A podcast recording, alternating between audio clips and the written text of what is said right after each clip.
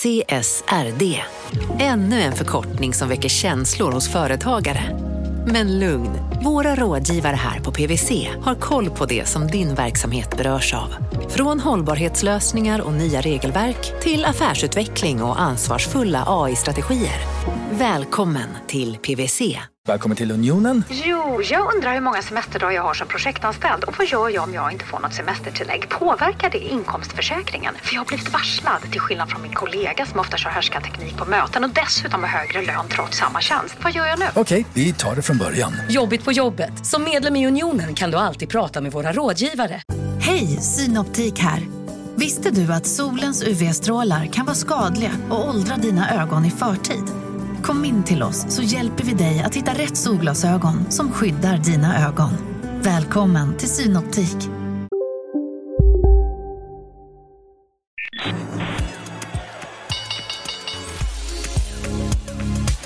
Det här är Affärsvärlden Magasin med Helene Rådstein. Hej och hjärtligt välkomna till podden Affärsvärlden Magasin där vi varje måndag fördjupar oss i affärsvärldens journalistik. Jag heter Helene Rådstein och jag är reporter på Affärsvärlden. Och just nu så är jag uppe på Beskab, nyproduktionsutvecklaren i Marby centrum. Och här ska jag intervjua deras ganska nytillträdda vd Carola Löfven. Jag går runt här och kollar lite på deras kontor när man är här så ser man det finns en massa så tillval man kan göra med. Till exempel vilka duschar man vill ha, vilka blandare man vill ha i köket. Här finns också utställningar om olika kakel. Vill man ha Norvik ljusgrå, till exempel rektangel, eller vad vill man ha för någonting? Olika tillval är det här i entrén. Hej, hej, hej! Hej, hej Helena Rådstein. Hej. hej Carola, välkommen! Ja, tack. Ska vi stå hemma? Ja, men det gör jag redan. Jaha. Ja, jag har kollat här på lite eh, blandar. Är du duktig på såna här saker? Eh, jag ska inte säga att jag är expert på blandare. nej, vänta, där är blandare. Ja. ja. ja. Eh, nej, men det här är ju våra tillval som vi har som vi kan då välja i lägenhet. Så tar vi, tar vi våra kunder. Eh, oftast kommer de ut i våra projekt, men för de som inte kan det eller när vi någon gång inte har något på plats, då kan man komma hit. Mm. Och sen har ju vi eh, liksom ett, ett, ett, utbud som de har som standard i sin. Men det kan ju vara att man har olika önskemål om att ändra på någonting mm. och då har man ett utbud där man kan göra det. Så då tar vi hit dem och så kan man välja lite olika klinker och kakel och lite olika blandare. Ofta så brukar många nöja sig med det som är i lägenheterna för det är jättebra standard. Mm. Och ofta så är det ju så att man har tänkt till och det var en arkitekt. Men det, av någon anledning så kan det vara att man vill ha något annat. Mm. Och då kan man komma hit och välja. Här är ju så dusch. Är det populärt? En hög dusch och en liten mindre Nej, dusch? det skulle jag inte säga att det är. det tillhör inte storsäljarna riktigt. Inte? Nej, okej. Okay, okay. Det gör det inte. Ja, det kändes fiffigt. Ja, jag, jag tar en kaffe här också. Ja. Så, nu ska vi se vad, eh, vad det Nej, men det här är ju några av projekten som vi har på gång. Då. Så det här är Vackra vägen i Sundbyberg, Tetris i Högkarängen. Här är Myntan som är ett radhusområde i Tyresö. Velå som är, ligger i Årsta. Arboristen som ligger i Uppsala. Ekparken också Uppsala. Sicksack i Kärrtorp. Uh, Upplands Väsby, ett projekt som vi har färdigställt med småhus. Och sen Björkallén som också ligger i Uppsala. Det är några, vi har fler projekt också, men det här är ett antal projekt där vi tar fram en beskrivning av projekten. Uh, några vi inte ser här, det är eh, uh, Nackastrand och Vaxholm, Hagastaden. Ja, och Vaxholm är inte heller här. Så det här är inte alla projekten som vi har på gång. Vi tar ständigt fram nya. Och den i Hagastaden är ju ägarlägenheter så där har vi gjort upplägget lite annorlunda när det gäller marknadsföringen. Så ser det inte riktigt ut så här. Mm. Eh, och det i Vaxholm håller vi precis på att ta fram för det ska vi ha säljstart för nu i eh, början på november. Det var, det var det som var i Miljö och marknadsdomstolen? Ja, Mark och miljööverdomstolen, precis. Ja, så heter det? Ja. Ja. Eh, Varför hamnade du där? Eh, det var ju så att, att, eh, och det är ganska vanligt, att det finns grannar och så som överklagar. Det hade man gjort där. Man var rädd för exploateringen och tyckte att man... Förstör? Ja, precis. Mm. Men det blev ju avslag då, först i Mark och miljödomstolen och sen i Mark och miljööverdomstolen. Som då, och då går det inte att överklaga sen, utan då blev detaljplanen lagakraftvunnen. Man kan inte driva vidare till EU-domstolen? Liksom. Nej, det kan man inte göra. Eller EU-förvaltnings... Ja, Nej, nej, utan då är det som sagt var stopp där. Mm. Men det är klart, det hinner ju gå ganska lång tid innan du är där. Mm. Så nu kommer jag faktiskt inte ihåg riktigt, men vi vann den där markanvisningen för ganska många år sedan och sen så har ju det pågått en överklagandeprocess under ganska lång tid. Ja, vi återkommer till det. Ja. Hur, mycket, hur mycket ni har att göra med myndigheter? Ja, precis. Eller hur? Det är en stor del av, av det vi gör faktiskt. Den är ju tvådelad, för det är ju liksom en väldigt viktig del att det vi gör blir bra. Därför att det ska ju stå för generationer. Så det finns ju någonting positivt i det att många kan ha synpunkter och må, många kan liksom eh, kan man säga, överklaga på det sättet. Men eh, det har blivit så komplext och så lätt att överklaga att det, det blir liksom samhällsekonomiskt väldigt kostsamt. Så, att säga, så i grunden finns det ju någonting positivt att du har en skyddsmekanism när du ska, ska bygga hus. Eh, för att eh, som sagt det ska stå i flera hundra år och då måste det bli bra det man gör. Förstår ni innan att det här kan, det här kan faktiskt leda... Det här är känsligt, liksom. just det här området. Ja, men till exempel då, Vaxholm. Det är lite känsligt område. Liksom, risken att det blir överklaganden här, där det kanske är ekonomiskt resursstarka grannar kanske, är större. Alltså, är jag fördomsfull om jag säger så? Ibland kan man förutse att det blir det. Och ibland blir man också förvånad att, att där man trodde att det skulle bli överklagande så går det väldigt lätt. Eh, men, men ofta så kan man förutse. Och sen kan det komma in ibland saker man inte alls har räknat med. Det kan ibland vara eh, naturvärden som man inte har kunnat förutse. Det kan vara en, en en biotop med någon insekt eller någon växt eller någonting som man inte alls har kunnat förutse som kommer in som gör en väldigt förvånad. Oftast fångas många saker i de tidiga utredningarna men inte allt. Så att det, det finns många saker. Det är som sagt var grannar men det kan också vara en, en insekt eller en växt eller så som man inte har varit beredd på. Så att ibland blir man överraskad. Eh, Det låter också spännande. Ja, det är därför det är så kul att jobba med det här. Eh, För man är faktiskt med och, och utvecklar liksom framtiden och skriver historia samtidigt med det man gör när man jobbar med samhällsbyggnad på många sätt. Så det gör ju att man har eh, ett väldigt stort ansvar för det man gör, att det blir bra.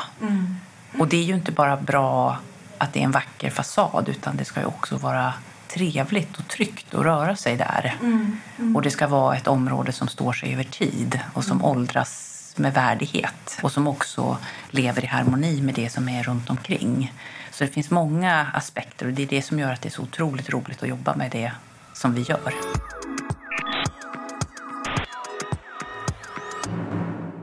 Om du bara ska få presentera dig själv lite kort. Vem är du? Carola Lavén heter jag. Eh, ny vd på Beskab sedan eh, maj.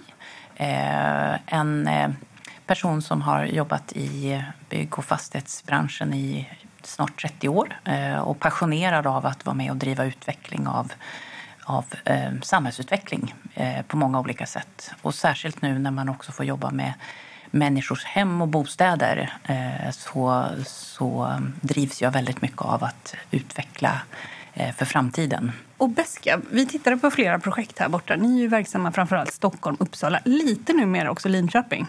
Eller hur? Och runt Mälaren. Det har ni via ett förvärv har ni också etablerat det på fler ställen kan man säga, eller? Ja, det är ett väldigt litet ben än så länge, men väldigt spännande att följa. Vi förvärvade ju ett bolag som heter Rå Property. Eh, och det är ju ett bolag som gör en, en helt unik produkt på den svenska marknaden. Den är inte unik för den finns internationellt, men i, men i Sverige är den unik där man bygger råa lägenheter. Eh, och vi har då startat precis vårt första projekt i Uppsala. Eh, Och där är det ju så att de har också en del möjligheter i just Linköping och andra orter än, än det Beskab finns på idag. Och det är första gången i, i Beskabs historia som man liksom inte bara rör sig Uppsala-Stockholm. Ja, det jag känner till faktiskt. Jag ska låta det vara osagt om det skulle finnas någon liten utflykt någonstans. Men, men eh, vad jag vet så är det det. Mm. Om man ser på bostadsmarknaden just nu, jag tänker med nyproduktion, det är ju väldigt speciellt eftersom man köper sin bostad långt liksom, tidigare än man ska flytta in där. Och det är väldigt osäkra tider just nu. Hur har det påverkat liksom, efterfrågan och hur har det påverkat er verksamhet? Man kan säga att när, när det slog till, då blev det en ganska tydlig avmattning. Eh, och, och, det var tydligt att folk var, var rädda och man visste inte riktigt hur framtiden skulle utvecklas. Och det var ganska mörkt eh, liksom i skriverier i tidningar och, och stor oro. Men, men det blev aldrig stopp riktigt på, på bostadsmarknaden utan det blev bara en tydlig kraftig inbromsning. Men successivt, ju mer det har klarnat framförallt när man började komma mot slutet av maj och när man började komma in i sommaren så märkte man att det blev ett väldigt starkt intresse av att planera för framtiden och att våga tro på framtiden. Så det var ganska tydligt att det ändå finns en framtidstro. Under sommaren så har ju bostadspriserna och efterfrågan på bostäder varit väldigt hög. Mycket högre än vad den har varit tidigare för folk har varit hemma under sommaren. Och man omvärderar också sitt boende när man har jobbat hemma. Dels har man tid eh, och har möjlighet att titta och utvärdera och titta på nya bostäder.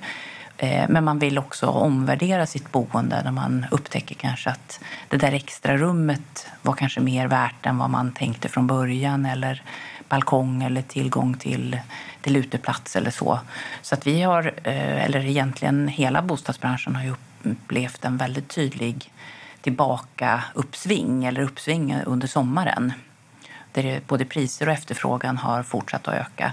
Så mm, för mig tolkar jag det som att även fortsatt liksom osäkerhet att det kan komma tillbaka men, men eh, folk har fortsatt framtidstro och den har kommit tillbaka. Och hur ser det ut med era projekt? Bokar folk för, alltså på ritning till exempel? Ja, men vi har upplevt att, att det har varit efterfrågan för det som har varit långt till inflyttning lika väl som det som har varit kort till inflyttning.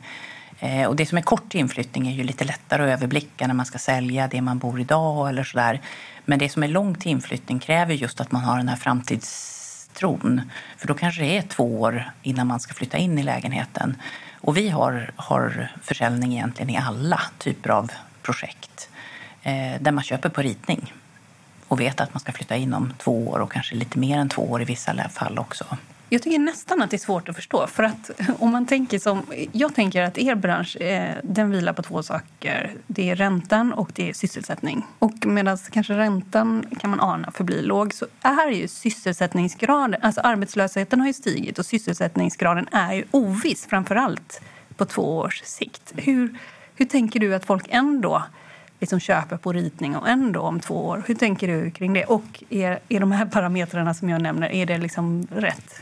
Nej, men eh, eh, räntan och sysselsättning spelar absolut stor roll. Och Det var väl det som var när, vi, när pandemin började och vi hade den här kraftiga inbromsningen. För Då blev folk väldigt oroliga eh, för sin egen framtid eh, och också hur, hur det ska utvecklas för sina företag. och så. Sen har ju det visat sig att även om vi har en hög arbetslöshet så är ju sysselsättningen fortfarande, även om vi ligger på en arbetslöshet som är stor, så är det fortfarande 90 procent som har jobb. Och många företag har sett att det har inte slagit riktigt så hårt som man trodde. Och då eh, tror jag det finns något mänskligt, att man ändå vill titta ljust på framtiden. Och det kanske kan hända min kompis eller min granne, men det kanske inte händer mig. Mm. Och så vågar man ändå tro på framtiden. Och som sagt var, man kanske också värderar sitt boende på ett annat sätt när man har jobbat hemma mm mycket mer. Och. Man kanske har hela familjen hemma och det har blivit trångt. Och, eh, man kanske utvärderar mm, sin pendling och andra delar. Så att, eh, ja, trots att det spelar stor roll så tror jag framför allt att det är den låga räntan som är det som har fått störst genomslag på att man faktiskt vågar köpa för det som är inflyttning om två år. När jag går igenom era projekt, vilket jag ju såklart har gjort inför att jag skulle träffa dig så tänker jag lite på eh, Roy och Roger. Kommer du ihåg de Galenskaparna? Det ska, Ja. vara, det ska Ja. vara lätt att leva, gött, Gött. att leva. Så tänker jag lite att många av era lägenheter är utformade. Det ska vara gött. Liksom. Eh, Hur, hur tänker ni själva? Nej, men det, det, det var lustigt att du nämnde det. Det var verkligen spiken på. För vi har ju en vision om att vi ska skapa drömhe, äh, drömhem för, för de som flyttar hem in till oss. Och på något sätt så är ju drömhem en, kombination av att förverkliga sina drömmar. Men det handlar ju också om att bostaden ska fungera. Och vi har utvecklat mer än 6 000 bostäder så vi vet ju någonstans liksom vad som fungerar. Och inte bara vad som är en, en vacker inredningstidning utan hur man faktiskt använder sina kök och sina eh, badrum och sin, sin bostad samtidigt som man vet att ett hem är ju någonstans där man förverkligar sina drömmar. Man vill bilda familj eller man vill eh, man har fritidsintressen eller eh, man vill ha en lugn vrå eller så. Så det, det här det ska vara gött att leva. Jag tycker den är spiken på just det att skapa drömhem. Köket ska vara nära, eller vara nära ingången. Eller vad, vad är det för någonting? Ja, men det kan ju vara praktiska saker som till exempel eh, trösklar. Eh, det kan vara praktiska saker som hur du ska kunna hänga upp saker på väggarna. Eh, det kan vara hur köket är utformat så att du liksom kommer åt alla saker på ett, på ett bra sätt. Lätt att städa. Eh, hur du ska göra för att kunna ställa av dig dina saker i hallen. Så det finns en mängd små saker som inte alla den som köper en bostad gör ju inte det speciellt ofta och kanske inte tänker på hur den själv använder sin bostad. Men det är ju vår vardag, så det är ju det som vi tänker på och är passionerade av att, att söka. Så att mycket av det som, som vi tänker på är ju inte det vad den normala bostadskonsumenten tänker på utan den, den kommer bara upptäcka det när den kommer in i bostad eller använder bostaden. För även ifall det så att det vara gött att leva så, där, så eh, min man är rektor och eh, vi gick igenom ett av era projekt som är ganska nytt. Det finns inte här ute till exempel, som är i Enskede, där vi bor, Enskede Årsta. Och eh, ja, han är rektor som sagt och han blev helt nästan tokig när han såg att nu ska det komma 600 nya lägenheter. Ni har, hur många har ni där? 170 tror jag det är Ja, ungefär. ja något jag vet inte. Men han blev helt så här tokig och bara, men det finns ju inga skolor här. Vi som jobbar med skolor, vi vet ju att det är sån skolbrist. Det byggs liksom otroligt mycket här och skolorna räcker inte till. Vi pusslar och pusslar och pusslar.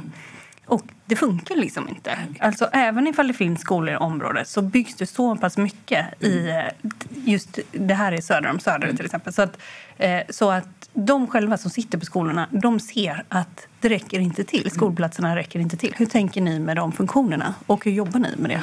Nej, men skolor är ju någonting som oftast är på tal eh, och många gånger är det förskolor som kommer in i bostadsområden. Eh, och då- jag tolkar liksom din man att det inte är förskola utan att det liksom är högre skolor. Och oftast är det ju någonting som kommunen planerar väldigt mycket för vad de ska ha. För de tittar på sina årskullar och så följer de. Eh, och det är händer att det kommer in i nya bostadsområden också att planera för skolor. Eh, Det är ganska politiskt laddad vilken kommun du är i. Eh, Om det är så att det är kommunen som då ska investera i skolorna eller om det är privata eh, skoloperatörer som gör det. Så att vi, vi är med, men det är inte vi som driver liksom om det ska vara skolor eller så. Men däremot så om det är så att det finns behov av skolor och det så kommer det in som ganska naturligt som i planeringen hur man ska få in skolor och det. Jag tycker spontant att det är oftast viktigt att man har med sig en en tanke på liksom hur man ska få helhetsmiljön kring skolor att fungera. Det är inte bara antal nya skolplatser utan hur kan eleverna ta sig till skolan? Vad finns det för ut, utrymmen utanför och, och röra sig? Eh, men som sagt var, vi är ju inte den som planerar för skolor om inte kommunen vill att det ska bli skolor. Utan det är kommunen som styr om de oftast vill ha en, en skola eller inte. Och andra samhällsfunktioner då, runt era nyproduktioner, hur, var kan det ofta sådär... Det har ju tidigare diskuterats till exempel att man har byggt områden, jag vet Frösunda, det kanske inte var ni, men då var det så ja, men man tänkte inte på parkeringsplatser riktigt. Och, och förskolor vet jag också var liksom ett sådant dilemma. Men vad, vad finns det mer för funktioner som liksom måste till för att det ska vara enkelt att leva? Eh, nej men oftast handlar det om att utgå ifrån platsen, tycker jag. Vad finns det för förutsättningar på den här platsen? Eh, det kan vara naturvärden som man behöver plocka upp. Eh, det kan vara service eh, i form av, av närsjukvård till exempel eller, eller, eller en matbutik eller, eller så. Men det kan också vara förskolor som du säger eller skolor. Det kan också vara vårdboenden eller seniorboende. Så det finns många olika funktioner beroende på vad det är platsens förutsättningar och de som rör sig eller är tänkt att bo i området. För oftast flyttar ju, när vi bygger ett nytt område, så huvuddelen av de som flyttar till det området är oftast de som bor i närområdet. Mm. Och det är klart, ju mer centralt du är i Stockholm så är upptagningsområdet större för då har man fler områden att komma ifrån. Men, men ofta så är det från ett, ett hyfsat närområde som kommer. Man vill göra bostadskarriär i, sin, i sitt närområde och då kan man ju ganska ganska lätt se vilka målgrupper det är som kommer dit och hur kan man då tillfredsställa eller hitta lösningar med service eller naturvärden eller andra bitar som man behöver få till platsen för att det ska bli ett bra ett bra område att leva i. Mm. 2016 så var det ju liksom, den här marknaden var ju otroligt het. Var du inblandad i det, nyproduktionsmarknaden då på den tiden? Eller vad gjorde du? Ja, nej, men då jobbade jag med utveckling också, men inte med bostäder. Utan jag, jobbade, jag har ju en bakgrund framför allt av kommersiell utveckling. Mm. på NCC var det? Ja, på mm. NCC. Och då jobbade vi ju framför allt med, med kontor och arbetsplatser eh, i Norden. Så det var inte bara i Sverige då, utan även i de andra nordiska länderna. Eh, så att jag upplevde ju inte bostadsboomen att vara mitt i den. Däremot så såg jag ju hur många nya aktörer som kom in på marknaden och hur man eh, hade en explosionsartad eh, syn på, på bostäder, att man skulle ha bostäder överallt för det fanns så mycket pengar i bostäder. Och det gjorde ju till exempel att den kommersiella utvecklingen oftast fick stå tillbaka för att man ville, man ville göra bostäder överallt. Ehm, så att jag upplevde den från den sidan, men jag var inte mitt i själva bostads, nyproduktionen av bostäder då. Men, men, men vad tänkte du om det när du såg det här från sidan? Då? Ju liksom så det parallellt kan man säga. Mm. Mm. Nej, men eh, att, att det behövs bostäder, det var ju inget snack om, om, om saken. Det behövs, för det, det, det finns en bostadsbrist. Eh, däremot så, så arbetsplatser är också en viktig funktion att tänka till kring. Eh, och den upplevde jag vid den tidpunkten att det blev ganska en, enögt eh, om man nu ser ur, ur kommunernas perspektiv hur man, hur man planerade. Men, men att det behövdes mer bostäder och fortfarande behövs mer bostäder, det är uppenbart. Men det behövs också bra arbetsplatser för du behöver ha ett näringsliv som fungerar och för dem som ska jobba och företag som ska växa. Så det är klart, det går inte att säga att den ena är viktigare än den andra. Man behöver alla delar. Vilka projekt var du involverad i? Eh, nej men vi drev projekt i, i Stockholm, eh, inte minst utvecklingen runt Järva krog där med NCCs nya huvudkontor. Eh, det som sker vid Bromma, eh, men också Göteborg, centralt Göteborg eh, på flera olika, både i Gårda och inne i själva eh, centrala eh, Göteborg där vi hade flera stora projekt. Mölndal var ett annat stort projekt som vi drev. Malmö drev vi eh, en hel del i. Eh, och sen Oslo drev vi en av de största träbyggnaderna eh, i massivt trä eh, som jag tror nästan var en av norra Europas största. Eh, och så Köpenhamn hade vi. Eh, bland annat en eh, kontorsbyggnad där vi gjorde gamla silos till kontor.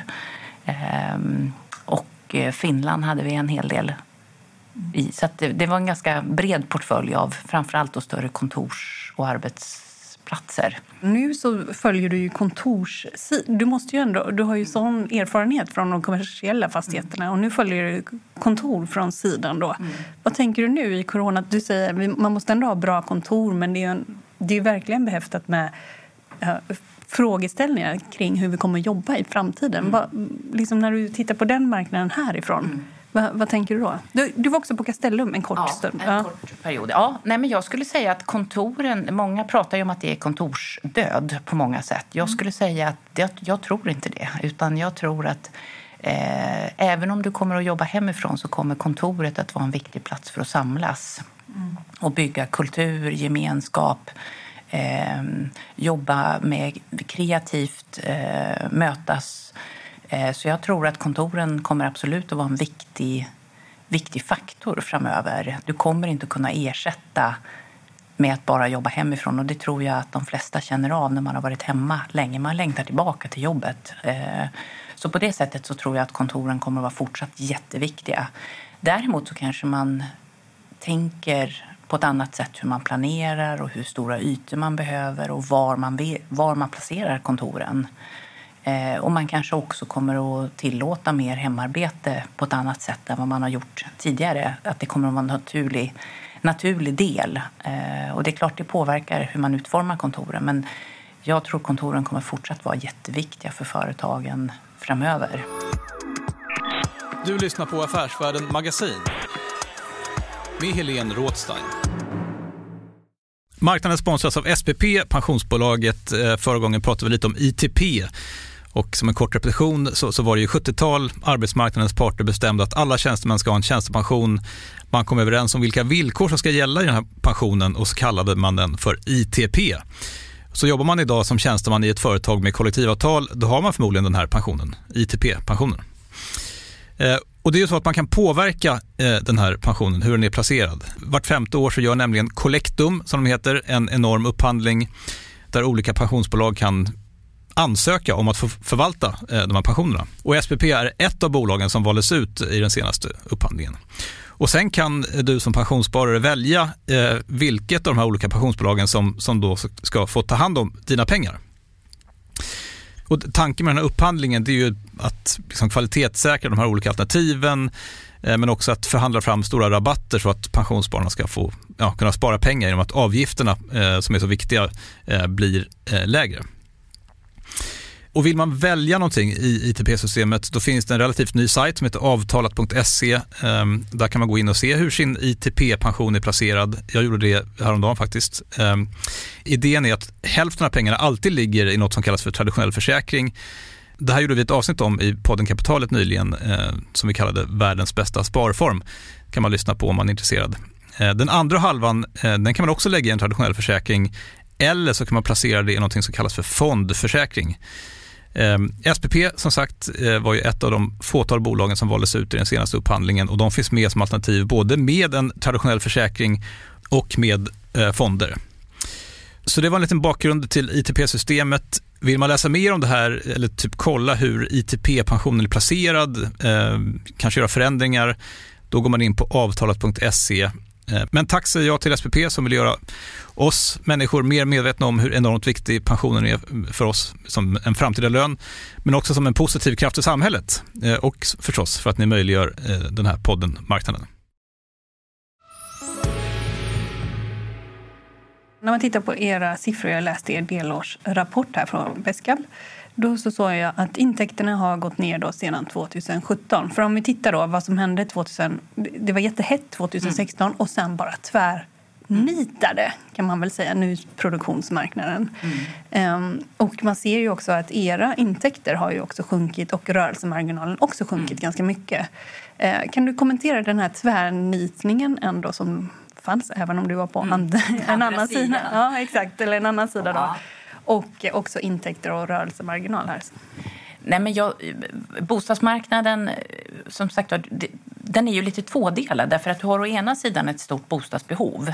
Men vad som hände då var ju att man hade producerat bostäder i ett visst segment till en viss prisgrupp eh, egentligen. Och där, ja, Vilken grupp var det? Ja, alltså dyra bostäder. Mm.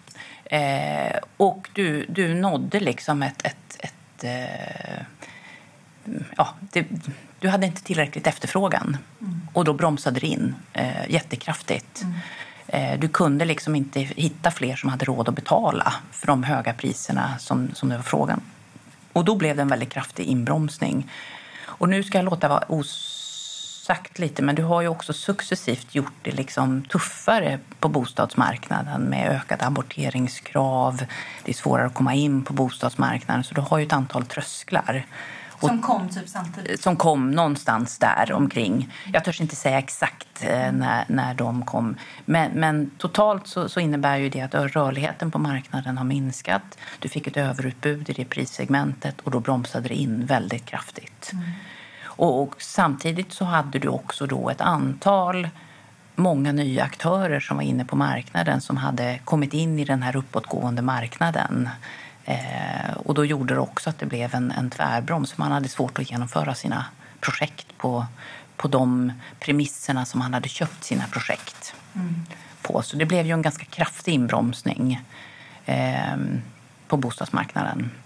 Och sen om man ser på era intäkter, så staplar, så ser man också att det har gått ner mm. sedan då 2017. Varför? Nej, men det är ju eh, egentligen en, en eh, del i det. Eh, vi har haft en, en ökad produktion, men vi har också till exempel börjat göra en del hyresrätter och då har vi en del lägre marginal i de projekten än vad vi har i, i de andra. Så det är en kombination av både den här inbromsningen och den här prisnedgången som, som delvis har varit på grund av den och sen en liten ändrad profil i portföljen också. Ja, för det ser man ju i er portfölj att där kommer hyresrätter in. Kommer man öka den andelen framöver? Hyresrätter kommer att vara ett viktigt segment hos oss. Så, så eftersom eh, vi har börjat med det så kommer det att bli fler som vi ska, ska jobba med också. Är, är det på gång nu i de projekten som finns nu? Är det på gång där, hyresrätter också? Det finns ägarlägenheter i Hagastaden. Mm. Men finns det hyresrätter i de projekt som rullar nu? Ja, det har vi. vi har I Uppsala har vi hyresrätter som snurrar. Eh, så att vi, vi gör en del hyresrätter och det är ju också ett viktigt segment. Vi jobbar egentligen med alla segmenten. Vi jobbar med bostadsrätter, vi jobbar med hyresrätter och så jobbar vi med äganderätter. Om man nu säger, om man tittar på det som ur ett flerbostadshus perspektiv. Vi jobbar ju med villor eh, och det gör vi också ur två perspektiv, bostadsrätt och äganderätt. Men om man tittar på flerbostadshus så är det bostadsrätt, hyresrätt och eh, äganderätter. Och äganderätter, det vi ska titta på i Hagastaden, är ju ganska nytt på marknaden och det är även nytt för oss. Så det är ju en liten ny nisch. Vad är, vad är det för något? Man kan säga att du staplar liksom eh, villor på varandra i luften. Du äger din egen bostad, vilket gör att det blir, eh, du, du, är liksom inte, du äger inte en andel i en förening utan du äger din egen bostad. Så det är, ganska nytt i Sverige. Eller nytt, det, har på, det har funnits en, en, tid men ganska omoget än så länge i Sverige. Men det börjar byggas fler och fler. JM bygger bland annat också. Vad ska man tänka på när man flyttar in eh, alltså som kund? Dels eh, så innebär det ju att du har inget lån i förening utan du, du eh, köper din egen. Men däremot så är du då medlem oftast i en samfällighetsförening eller en gemensamhetsanläggning för det som är gemensamt för, för huset. Du har ju stammar och du har fasad och tak och så vidare. Men, men i övrigt så är det att du köper din egen lägenhet med eh, eh, allt vad det innebär med, med pantbrev och eh, du behöver eh, liksom låna upp hela beloppet hos dig själv istället för att du har en del hos föreningen. Det gör ju att du har lägre avgifter i månaden. Mm. Du har också en ökad frihet att kunna använda lägenheten, att till exempel ha den för dina barn eller hyra ut den i andra hand som du annars behöver ha tillstånd från bostadsrättsföreningen för att kunna göra. Eh, så äganderätter är ju oftast då intressant för de som mm, köper för att man ser att sina barn eh, ska ha en, en lägenhet på sikt. Eh, eller som kanske vill ha det som en övernattningslägenhet eller, eller äldre som, som säljer sin villa eller större lägenhet men inte har så mycket pension så man får då lite lägre avgift i månaden än vad du får för en, en bostadsrätt som du har. Så det är ju en, en ägandeform som medför en del fördelar för vissa målgrupper. Eh, om det är lägre marginal på hyresrätter än bostadsrätter, hur ser det då ut på äganderätter? jag skulle säga det för, för oss. Eh, vi, vi har ju precis börjat med det, så det är lite för tidigt att, att uttala sig om. Men, men jag skulle säga det är ungefär samma mekanismer som du har för bostads, bostadsrätter. Mm. För det är en typ av ägandeform. Förstår jag det rätt att eh, minska rörelsemarginal det är ju typ från 20% till 9 något sånt är ni på nu. Mm. Eh, vad, liksom, är det bara eh, det här att man har övergått till hyresrätter eller är det något annat som har blivit dyrare? Eller sådär? Vad, vad är det som har hänt? Nej, men, eh, jag skulle säga att det finns ett antal samverkande faktorer. En viktig sak för oss om vi blickar framåt det är framför allt eh, att vi vill ha fler bostäder i produktion. Eh, vi vill starta fler bostäder varje år. För det är en viktig faktor för oss att ha en viss volym men också en, en faktor att, att eh, ha fler projekt pågående samtidigt för att, att växa portföljen och det påverkar också lönsamheten över tid. Men också att man inte blir eh, eh, man blir inte heller lika sårbar om det är något projekt som inte går som man har tänkt. Men så vårt fokus framåt är ju framför allt för ur ett lönsamhetsperspektiv också att öka antalet starter, eh, jobba med att ha rätt produkt till rätt målgrupp och kunna vara duktig och ha rätt pris. Eh, men också liksom jobba med kostnadsmassan hela tiden. För det är liksom många faktorer som spelar roll eh, i, när du ska titta på lönsamheten på sista, sista raden. Hur ska man då få till fler byggstarter? Det, det, är ju någon, en ekvation som väldigt många bostadsutvecklare brottas med. Men vi har ett jättebra varumärke. Eh, vi kan visa på väldigt fina eh, referensprojekt. Så det är klart, det börjar ju någonstans med att man måste få förtroende hos kommuner eh, när det gäller att, att, få markanvisningar eller få igenom nya detaljplaner. Eh, det gäller att kunna förvärva nya projektmöjligheter och omvandla dem sen då till, till nya detaljplaner. Och så gäller det då att kunna ha tillräckligt många sådana möjligheter i portföljen så man hela tiden kan starta fler projekt. Eh, och där tror jag med vår liksom, historik eh, av att vara duktiga bostadsutvecklare eh, som har högt förtroende hos kunderna också eh, så, så kommer det att öka möjligheten att få fler byggrätter och bygga på byggrättsportföljen och därigenom också kunna starta fler, fler projekt. Men ni har ju haft samma, ni har ju samma varumärke nu. Alltså det, har ju en, det har ju inte hjälpt er de här åren. så att säga. Va, vad ska ni göra annorlunda nu? då? Nej, men jag, jag skulle säga att jag tror eh, att man värdesätter för det har varit ganska turbulent under en period där det är ganska många som inte har varit mogna eh, i det. eh, och min, det har varit ganska mycket skriverier om föreningar som inte haft så, så bra ekonomi och så vidare. Och det tror jag kommer att, att, öka framöver där man kommer att värdesätta vem är det som har utvecklat och vem är det som har skapat den här bostadsrättsföreningen. Har den en ekonomi som kan hålla över tid? För det kommer ju påverka den som flyttar in, kanske inte imorgon men om fem, tio år eh, om du har en stabil ekonomi i föreningen eller om det är en förening som har en ganska högt belånad. Eh, och det tror jag, med, med Beskaps historik så kommer man att värdera det högre framåt. Samtidigt som kvaliteten på bostäderna kommer att vara det är alltid kritiskt att man är duktig där. Hur håller man nere kostnaderna? Ja, det är alltid en svår fråga. Eh, det är något man ja, men, ständigt ja, men, måste jobba med. Ja, men faktiskt. För att nyproduktion, mm. det har ju också... Det, det, kanske låter otrevligt här, men det har ju också ibland liksom... Ja, men de sneddar lite med materialen. Om, om man sneddar lite med materialen, om man tar lite billigare material, mm. då får man ner kostnaderna. Till mm. exempel. Det ryktet finns ju mm. liksom, vad det gäller nyproduktion. Och då är det frågan, är det så, är det så man faktiskt gör lite grann? Eller hur, hur gör man? Jag skulle säga för Beskaps del gör man inte det. Eh, just därför att du har den här stolta traditionen av att, att utveckla bra bostäder. Så där sneddar man inte. Eh, men det är klart, det finns ju aktörer på marknaden som har gjort det och kunderna har inte... Säg vem, vilka? Nej, jag vill inte, jag vill inte lyfta fram några. Men, men det är klart, det finns där du har kvalitetsbrister. Eh, och Eh, du kan ha kvalitetsbrister på olika sätt. Du kan ha kvalitetsbrister i materialval, som är precis det du lyfter fram. Eh, och du kan ha kvalitetsbrister i själva genomförandet. Eh, det vill säga du har någon underentreprenör där du har slarvigt utförda jobb. Eh, och när det gäller materialvalen, du kan ju styra det helt och hållet hur du planerar din bostad. Och då är, det ju, är du återkommande utvecklare som, som finns på marknaden hela tiden, då måste du göra bra saker för att få förtroendet igen. Är du inte där för lång tid, då har du lite lättare kanske att göra det. Däremot så kan alla aktörer mm, liksom drabbas av att du har en entreprenad eller underentreprenör eller så som inte har gjort jobbet så att du får en backning på det.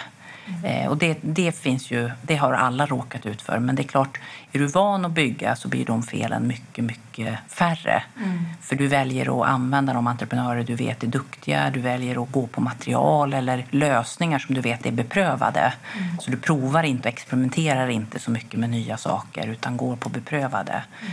Så där eh, är också, är du, är du van att utveckla så har du mycket färre problem av den sorten. Men om man också ser till kostnaderna, det handlar också om att köpa mark billigt eller? Ja, det är en ständigt återkommande att inte köpa för dyrt. Hur gör man det? Alltså vi, är, vi är liksom i Stockholm, Uppsala. Hur går det ens till att köpa prisvärd eller billig mark? Ja, och den, du, får, du kommer ju aldrig över någonting billigt på det sättet i de här marknaderna, för alla tittar på den här marknaden. Däremot så gäller det ju att veta att du är... En, en marknad är ju Stockholm är stort eh, och du har många marknader i Stockholm och du har när du kryper ner på, på, eh, på, på marknaderna lokalt så har du även också stora skillnader. Eh, om du är i vissa områden där du har stora utbyggnadsområden till exempel, då kan du ju få ett överutbud.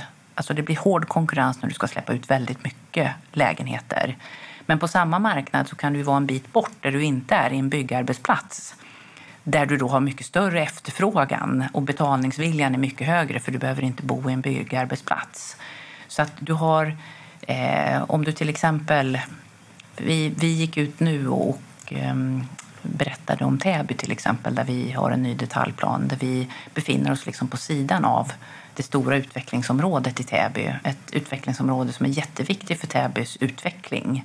Men det är ju många som är där i det området mm. och utvecklar. Och det, det, det verkar det, vara vanligt att det är många. Det är många som är där. Mm. Och det är klart, då får du ju under en period ett, ett, en mycket, mycket svårare konkurrens i det området. Och du har en, mm. en byggarbetsplats som du flyttar in i till att börja med. Sen blir det ett fantastiskt fint område när du börjar närma dig slutet.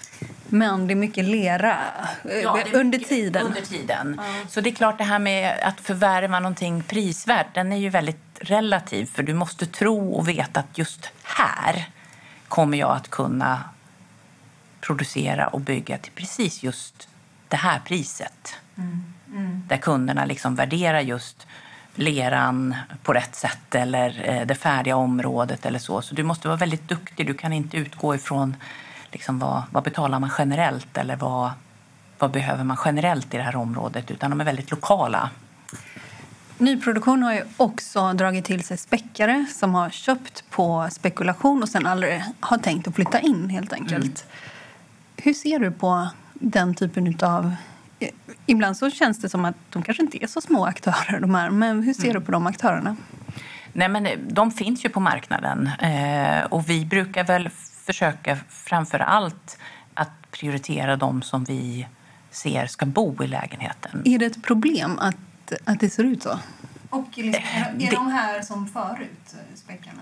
De går lite upp och ner skulle jag säga. En period var ju andelen späckköpare enormt hög. Och det är klart, då är det inte bra när det är så pass många som det var under en period. För då flyttar ju, då säljer man ju lägenheterna innan man, man flyttar in. Eh, men att det finns en viss andel späckköpare, det ser jag inte som ett problem. Utan eh, det är en del av marknaden också. Men den får inte bli för, den får inte bli för stor.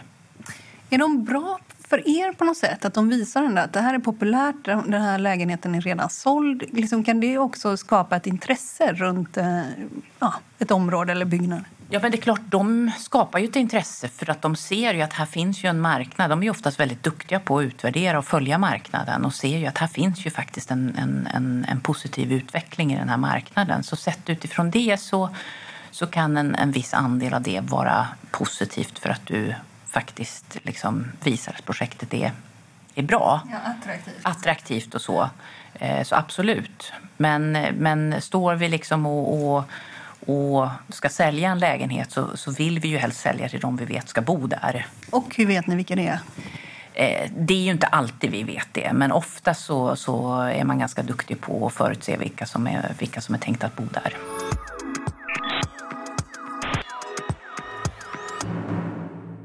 Du var på Castellum nio månader bara. Eh, var, varför var det så kort tid? Det här dök upp, eh, Beskab, och då kunde jag inte motstå det. Och det var en kombination av väldigt många saker. Dels så har jag en historik och jobbat med utveckling, eh, men då framförallt på den kommersiella sidan. Och att få möjligheten att jobba med bostadssidan och framförallt då bostadsrätter som är en mycket tid, tydligare konsumentprodukt än vad det är på den kommersiella sidan. Eh, samtidigt som att, att jobba med människors hem och just den här konsumentprodukten men också liksom det, det jag ser i framtiden av kan förändra bostads, alltså hur du nyttjar ditt hem.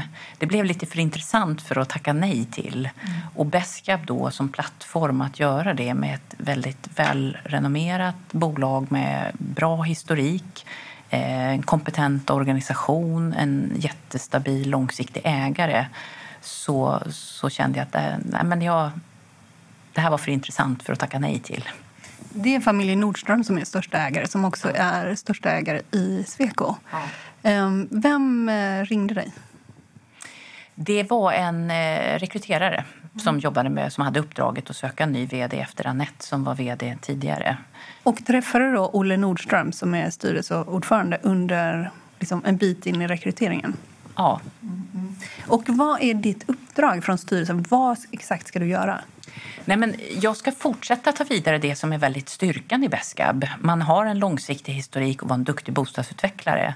Och det ska vi fortsätta ta vid eh, och fortsätta eh, växa Beskab eh, och fortsätta ta Beskab till en ny nivå. Eh, och det är ju två områden. Det ena är ju tillväxt och det andra är lönsamhet att jobba med. Men framför allt att utveckla grunden i att vara en duktig bostadsutvecklare utveckla produkterna, utveckla eh, det vi erbjuder kunden och det vi också kan visa kommunerna att vi är duktiga på att göra för att just kunna möjliggöra den här tillväxten som vi vill, som vi vill skapa. Mm. Eh, att bli ännu duktigare på att tala om vad Beska är riktigt bra på mm. och utveckla produkterna så att de som köper våra lägenheter och flyttar in där eh, att det är faktiskt det morgondagens kunder vill ha och behöver. När det nu har gått lite knackigare för vissa bostadsutvecklare, skulle ni kunna köpa någon? Det skulle inte vara omöjligt. Vi har en jättestark, stabil kassa och finansiell ställe. Vad, vad, är den på kassan? Den är på drygt en, miljard, en halv miljard menar jag. Det finns en, en, en, stark likviditet och det finns en stark soliditet i bolaget som gör att, att det finns möjligheter att växa om vi hittar rätt tillfälle. Men det är inte bara växa för växandets skull, utan det måste vara rätt.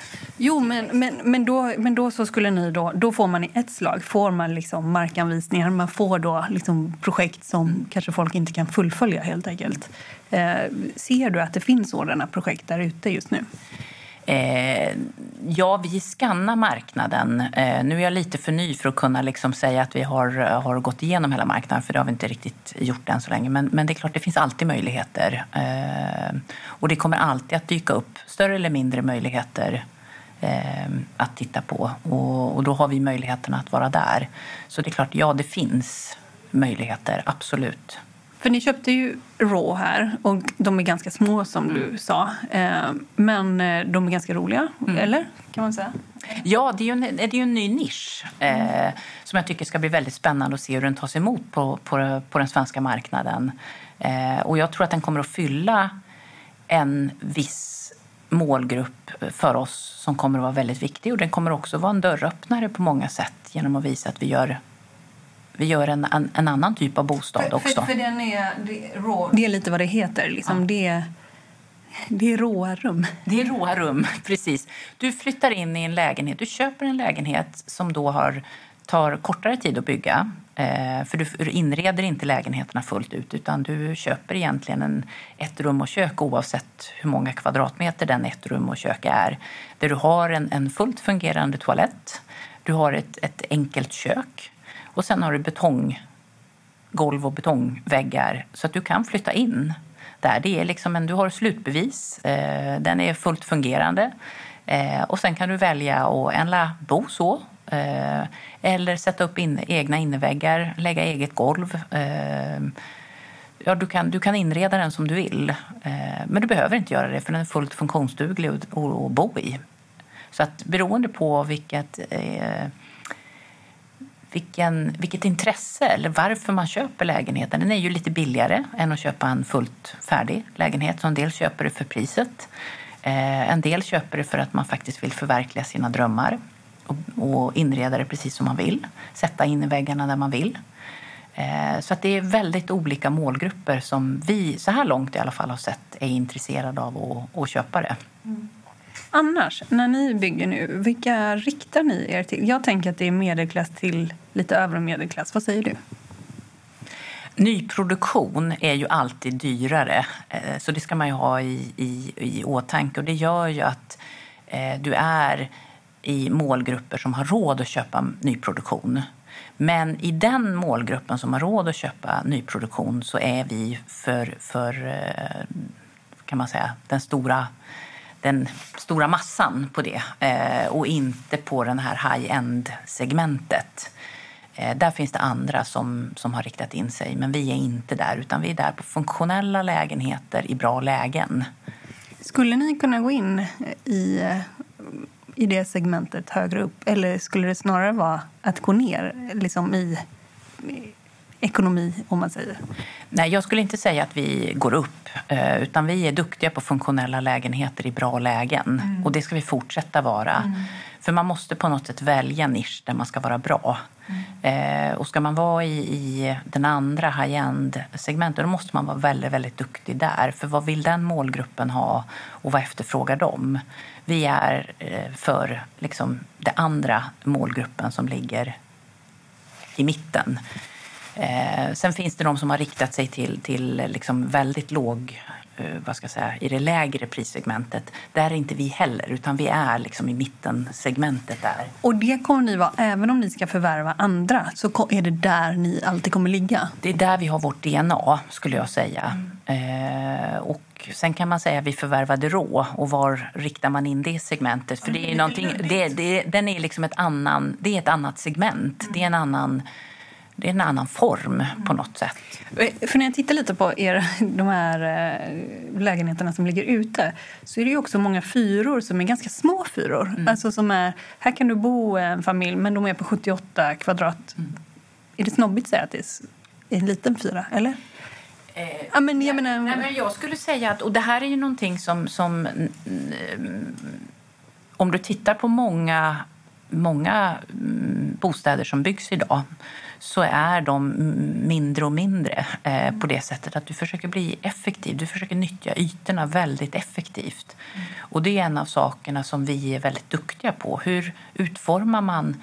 För om du tar 78 kvadrat som du nämnde mm. där. Jag tycker så, många är 78. Ja, så, så kan det vara så att det är 78 kvadrat som blir fantastiskt fint planerade. Mm. Eh, men det kan också vara 78 kvadrat som blir väldigt dåligt planerade. Mm. En, lång, då, en lång hall? Ja, precis, exempel. Ja. Det får liksom inte försvinna liksom kvadratmeter på fel, på fel ställen. Så, så den, jag skulle säga att du kan få ganska små lägenheter som är fantastiskt fint planerade. Mm. Och, och, det innebär då att det är många rum det går att stänga om och sådär. Inga, om man säger, dö ytor. Döda ytor eller så. Eh, marknaden sponsras av Karla. Eh, vi pratar ju en hel del om bilar här på kontoret. Eh, Karla har ju skapat, skulle jag säga, det som är standarden för hur man idag köper och säljer bilar på nätet. Eh, kort bakgrund bara. Eh, Karla säljer och leasar begagnade elbilar eh, och laddhybrider på karla.se. Alltså en helt eh, digital upplevelse. Och man har gjort det här med ett nästan maniskt fokus på vad en bilköpare faktiskt behöver. Jag gjorde ju en intervju med en av grundarna, Patrik Illerstig, i marknaden här eh, ganska nyligen, eh, daterad 25 mars, om man vill lyssna på den Eh, men där berättar han hur de kom in i det här lite från vänster för att försöka uppfinna hela den här liksom bilköpupplevelsen från början. Och de har idag, vilket är rätt otroligt, 4,8 i betyg eh, på Trustpilot. Jag, jag har sett många företagssidor på Trustpilot, men det här är nog bland eh, det bästa jag någonsin sett faktiskt. Man kan sälja bilen till Karla också. Eh, då går man in på karla.se, delar lite info om bilen, sen får man en gratis värdering och ett bud. De hämtar bilen helt gratis i hela Sverige och så har man pengarna på kontot i samma stund som de hämtar bilen. Det är grymt. Eh, så ska du köpa en ny bil eller sälja din gamla, eller båda delar för den delen, gå in på karla.se och eh, kolla. Alltså karla.se och Karla stavas med C. Tack så mycket till Karla. Du lyssnar på Affärsvärlden Magasin med Helene Rådstein. Om man tittar på er aktiekurs så har ju den fallit i corona. Det var ju många som föll där på eh, våren. Men ni har inte riktigt återhämtat er. Hur, hur tolkar du det? Eh, nej, inte alls. Kan man... Nej, den har inte återhämtat sig. Eh, nej, men jag, jag, jag vill inte titta så mycket bakåt utan framför allt är ju fokus för mig nu framåt. Eh, hur kan vi fortsätta utveckla Beskab med fokus liksom på utöka byggrättsportföljen, eh, göra fler byggstarter. Ehm, och söka liksom rätt typ av investeringar. För vi har en bra bas i botten med att vara duktiga bostadsutvecklare. Vi har en bra bas med vår finansiella ställning och vi har en stabil och långsiktig ägare. Hur kan vi nyttja det och söka och bli mer offensiva i våra investeringar och fortsätta utveckla bra produkter. Så helt enkelt fler. Ni ska, ha, ni ska bygga mer och ni ska ha fler. Och antingen så gör ni det via förvärv eller också genom att själva då se till att få uppdragen. Ja. Och då, då liksom, att, att bygga nya bostäder handlar ju om att vara duktig på att, att hitta rätt produkter för målgruppen. Mm. Och där eh, är vi duktiga, men vi kan fortsätta utvecklas och bli ännu bättre i den delen. Eh, vad vill framtidens bostadskonsument ha för funktionella bostäder i bra lägen? Va, vad är det? Va, va, vad vill man ha? Nej, men jag, jag, jag, tror att man kan gå till sig själv. Liksom, hur nyttjar man sin, sin bostad? Och jag tror att den här eh, perioden vi har haft nu med mer hemmajobb kommer att ställa ett ökat eller förändrat eh, efterfrågan på hur du använder dina bostäder. Eh, med hur du värderar dina olika rum, hur du kan sitta hemma och jobba. Eh, det ställer andra krav på hur du ser på varuleveranser till och från. Eh, det ställer andra krav också på... Eh, vi har ju sett, och det här har ju pågått länge, eh, du har hur du, din mobilitet, liksom, när du, hur mycket du har bil och hur mycket du har cykel, eh, hur mycket du tar dig... Ja, bara cyklar tar en, en fler och fler har elcyklar till exempel. Så det är klart, det blir en förändrad efterfrågan som får en påverkan på hur du planerar bostäderna. I coronatider så har jag läst tror jag, i er rapport att det tar allt längre tid för kommuner och så där, att fatta beslut. Eh, alltså att de har varit tyngda av andra saker och mm. inte folk har varit på plats. Och så. Och det tänker jag, det måste ju också påverka er portfölj på sikt. Att ni får beslut och sådär. Eller vad, vad, säger du om det? Eh, nej men, om man tittar på kommunerna, eh, och det gäller nästan generellt alla Stockholms kommuner och även delvis Uppsala också. Eh, den täta utvecklingen av staden har ju gjort att, att frågorna när du ska utveckla områden har blivit ännu många fler. Du har många fler intressen att väga samman. Eh, och de intressena är eh, flerdimensionella. Du kan ha tekniska liksom utmaningar när du bygger tätt och bygger inne i stan. Eh, du kan ha eh, naturvärden som vi pratade om eh, tidigare. Du kan ha politiska motsättningar för du har eh, om vi tar eh, vad heter det, Vaxholm som ett exempel så, så var ju det ett, ett uttryck för att man fick en, en förändrad majoritet på grund av det projektet i, i kommunen för att det blev så politiskt infekterat. För stadsbyggnadsfrågor engagerar väldigt många så därför blir det också en politisk fråga i många fall. Så alla de här tillsammans med mer täta områden som blir mer frågor att väga samman eh, till en, en politisk liksom, eh, fråga därför att det är många som tycker. Det gör att kommunerna har en utmaning eh, att vara snabba i sina beslut. Så det påverkar oss självklart eh, negativt eller det påverkar tidplanerna. Men det är, det är vi inte ensamma om utan det är ju egentligen Det delar det, det, vi delar det med många. Men det är klart, det är ju här du måste hitta ett väldigt bra samarbete mellan oss som bostadsutvecklare och kommunen. Hur möter vi de här, den här oron? Hur kan vi planera så att vi visar att det här blir bra områden? Hur kan vi möta de här tekniska utmaningarna så att vi kan svara på de saker som som det är osäkerhet kring eller oro kring och visa på hur, hur det bra det är. För det är klart, eh, många är rädda för när det kommer ny utveckling men, men å andra sidan när det väl har kommit och man ser stadens utveckling så blir den ju oftast väldigt bra. Bara det att när man inte... Alla vill att staden ska utvecklas men inte på min bakgård. Och det är dit man måste komma och visa på hur, pass, hur ser slutresultatet ut. Hur många byggstarter har ni nu och jämfört med i fjol? Eh, I år ligger vi på, på 129 starter i Q2 och vi låg på 138 förra året. Ah, okay. Så vi- vi- ni ligger lite Ja. Ja. Och, och enligt dig så borde ni vara på... Vad är din vision? Nej, men vi, vi har ju en ambition att komma upp på 1000 starter per år. Tusen? Mm. Från 129? Ja, förra året låg vi på 500 totalt. Ah. Ja. Så att det är inte 129 bara det första halvåret här under, eh, under corona. Så att det, det är liksom...